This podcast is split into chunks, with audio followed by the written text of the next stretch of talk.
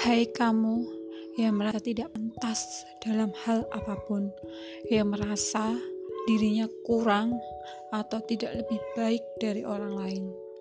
Buat kamu yang belum move on sampai sekarang, jangan menyakiti diri sendiri, mengharapkan seseorang yang bahkan tidak peduli denganmu.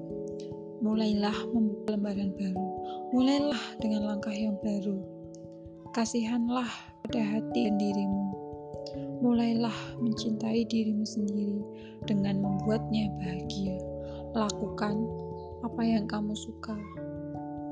Jangan jahat sama diri sendiri.